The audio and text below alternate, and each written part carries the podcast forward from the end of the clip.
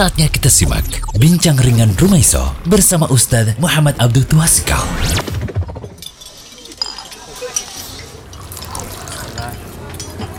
Ustad, ini nih mau tanya, kan anak muda itu kan suka sama olahraga kebanyakan, tapi terkadang itu nggak tahu aturannya, aturan olahraga yang benar menurut Islam itu bagaimana? Baik. Saya beri tiga aturan di sini yang nanti diperhatikan.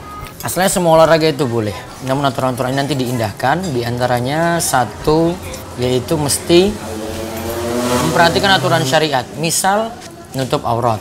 Aurat laki-laki antara pusar sampai lutut ditutup. Mau renang, mau bersepeda, maka dia perhatikan aturan seperti itu. Yang kedua, perhatikan waktu. Kadang waktu untuk olahraga dia gunakan, ada waktu juga untuk belajar agama, ada waktu untuk keluarga, ada waktu istirahat, ada waktu untuk ibadah. Jangan sampai olahraga malah melaikan dia dari ibadah. Nusni Islamil mar'i tarkuhu malayani. Kata Nabi SAW, tanda baiknya Islam seorang itu dia tinggalkan hal yang tidak bermanfaat. Kalau dia sampai tinggalkan sholat, ya percuma. Dia berangkat olahraga jam 3 pagi misalnya. Tidak sholat subuh. Atau dia berangkat ya jam 2 siang, nggak sholat asar. Bahaya. Kemudian yang ketiga, jangan sampai olahraga itu di dalamnya ada perjudian.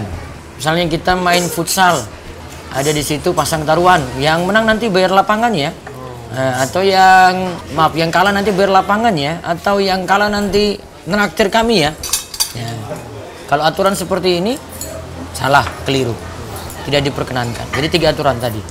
Berarti aturan syariat perhatikan, tutup aurat, jaga waktu baik-baik.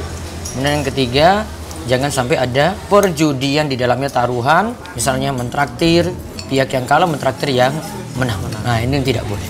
Mudah-mudahan manfaat. Ayo lanjut makan. Demikian Bincang Ringan Rumaiso.